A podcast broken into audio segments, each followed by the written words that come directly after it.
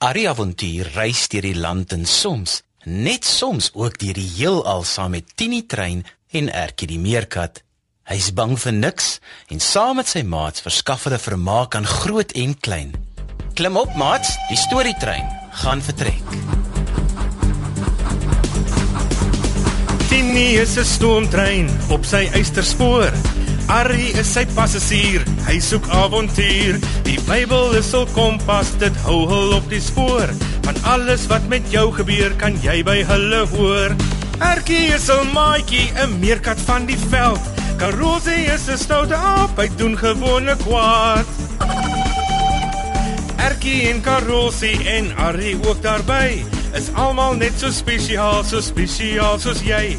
Kom nou maat skuif nader, luister bietjie daar. Is dit dalk die Tini trein wat ek daar gewaar?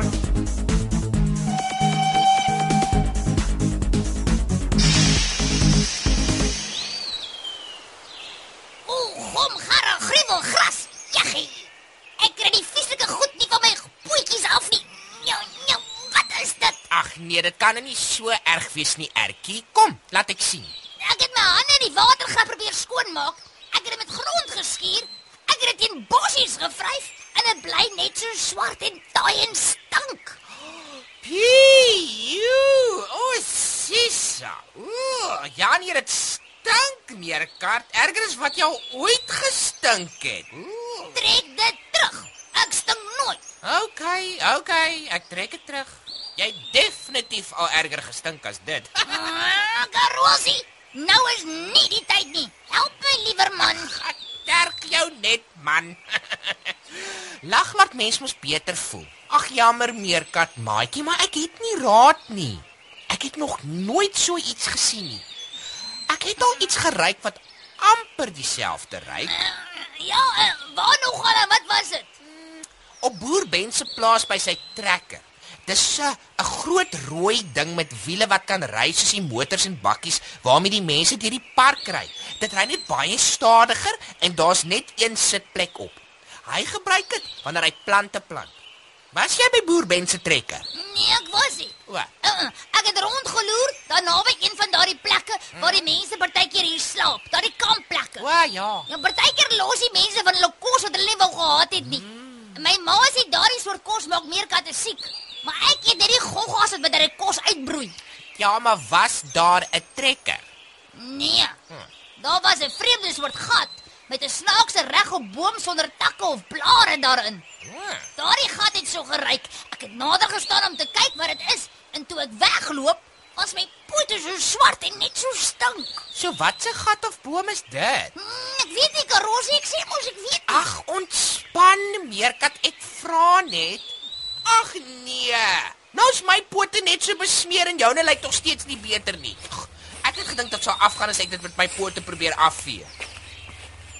Ek dink ek kan dalk help julle. Harry, Harry! Hallo julle. 'n Tini trein staan 'n entjie hier vandaan. Kom saam dan gemaak as julle pote daar skoon. ag dankie Harry. O ja, baie dankie. My neusie brand al sommer. Ek het vir Karosie vertel daar was 'n snaakse gat met 'n Ja. snaakse soort boom daarin en die swart goed moes by dit wees van toe ek daar weggeloop. Toe lyk my pootjie so. Hmm. Weet jy wat dit is, Harry? Ek weet wat dit is, ja. En dit beteken niks goeds nie. Mm, Harry, nou maak jy my bang. Toe maar ertjie, julle moet net nie aan julle pote lek nie. Kom nou gou-gou. Ah, hiersons. Onkoos, eh, kan jy asseblief ons daardie hande was goed kry in warm water asseblief? Eh, Die tooi was naby die gat wat ons ook nou die dag ontdek het. Sekerlik, graaf. Hulle potjies is seker nou taai en stink. Ja, net so. Ek eerste, ek eerste.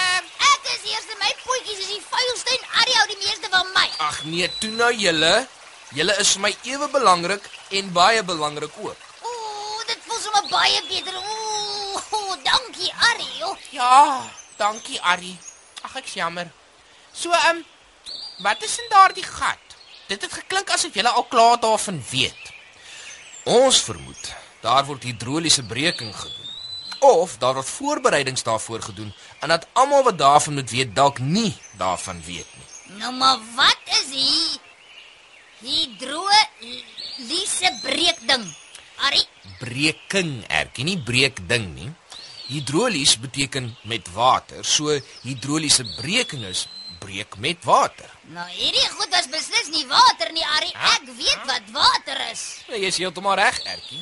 Hierdie swart goed is olie. Mense gebruik die soort olie vir baie dinge soos om met motors te kan ry. Ooh, dit dis hoekom die trekker op die boer se plaas amper so ryk? Net so Karolsie. Die soort olie raak op. Dit is nie iets wat meere word nie. 'n Mens kry dit diep onder in die aarde. 'n Mens kry ook gas wat amper soos die olie is.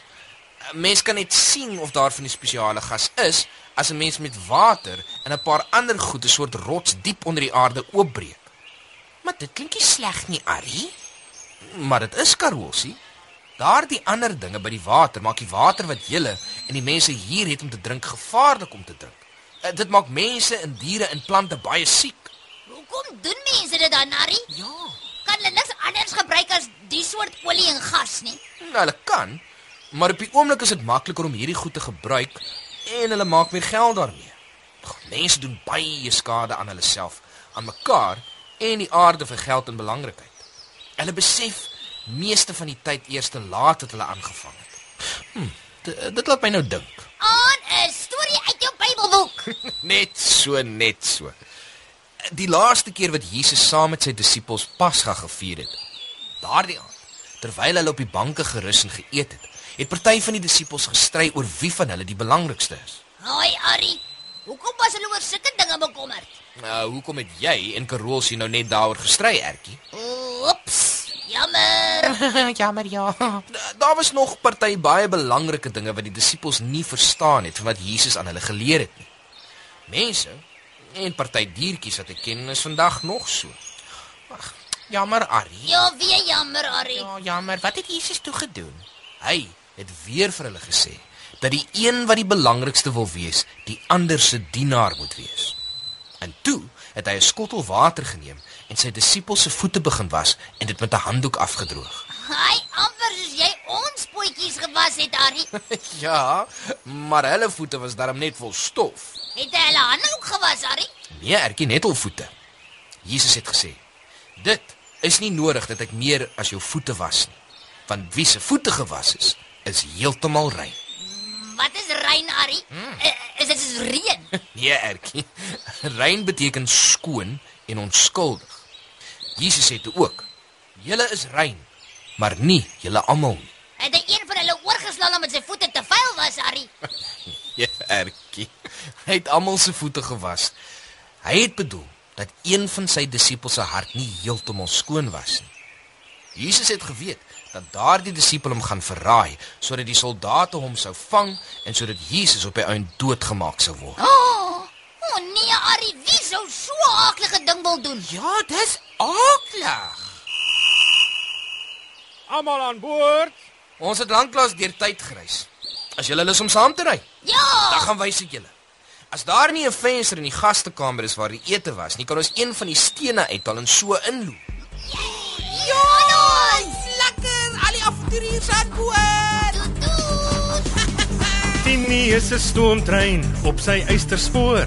Arrie is sy passasier, hy soek avontuur. Die Bybel is hul kompas, dit hou hul op die spoor. Van alles wat met jou gebeur, kan jy by hulle hoor. Erkie is 'n maatjie, 'n meerkat van die veld. Karosie is 'n stoute aap, hy doen gewone kwaad. Erkie en Karosie en Arrie ook daarby is almal net so spesiaal, so spesiaal soos jy. Kom nou maat skuif nader, luister bietjie daar. Is dit dalk die Tini trein wat ek daar gewaar? Die avonture van Arrie en Erkie is geskryf deur Elsie Stander. Dit word opgevoer onder spelleiding van Lazelle de Bruin, tegnies versorg deur Neil Roo en vervaar deur Worldwide Media.